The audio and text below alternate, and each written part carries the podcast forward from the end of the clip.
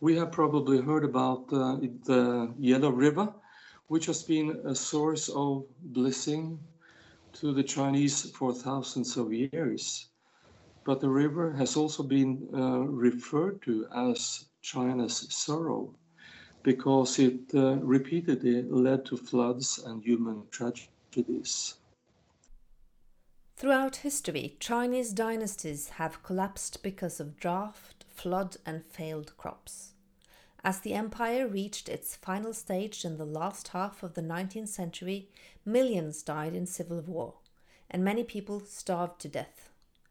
Actually, half the people who have died of starvation in the world since 1870 were Chinese. When Chairman Mao came into power in 1949, many people in China were hoping for a brighter future. They did not know that the country was facing its worst famine ever. The first uh, six or seven years uh, uh, during the time of Chairman Mao, they went uh, rather, uh, largely well, uh, and production increased, and more and more Chinese could fill their stomachs. Um, but in 1957 58, uh, Chairman Mao thought that growth was too slow.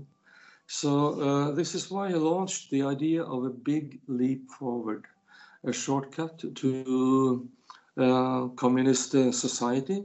So, he decided to mobilize the Chinese for a uh, national effort to work even harder, if necessary, 12 14, 16, 18 hours a day.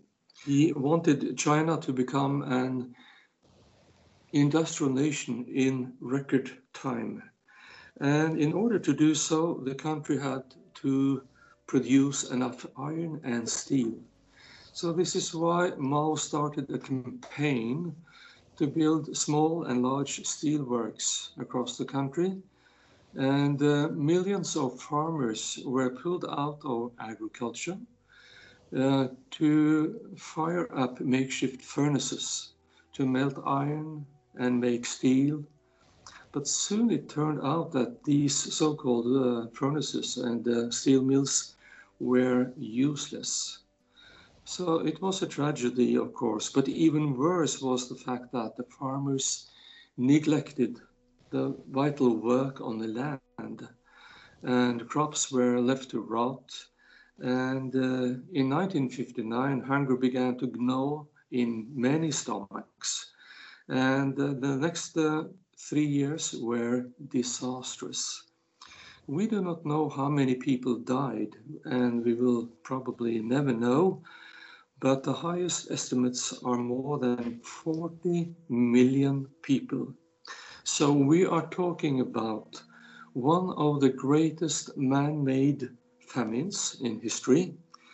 And uh, afterwards, the Communist Party claimed that the tragedy was due to bad weather, uh, obviously to say Mao, but the weather was not particularly bad during that period.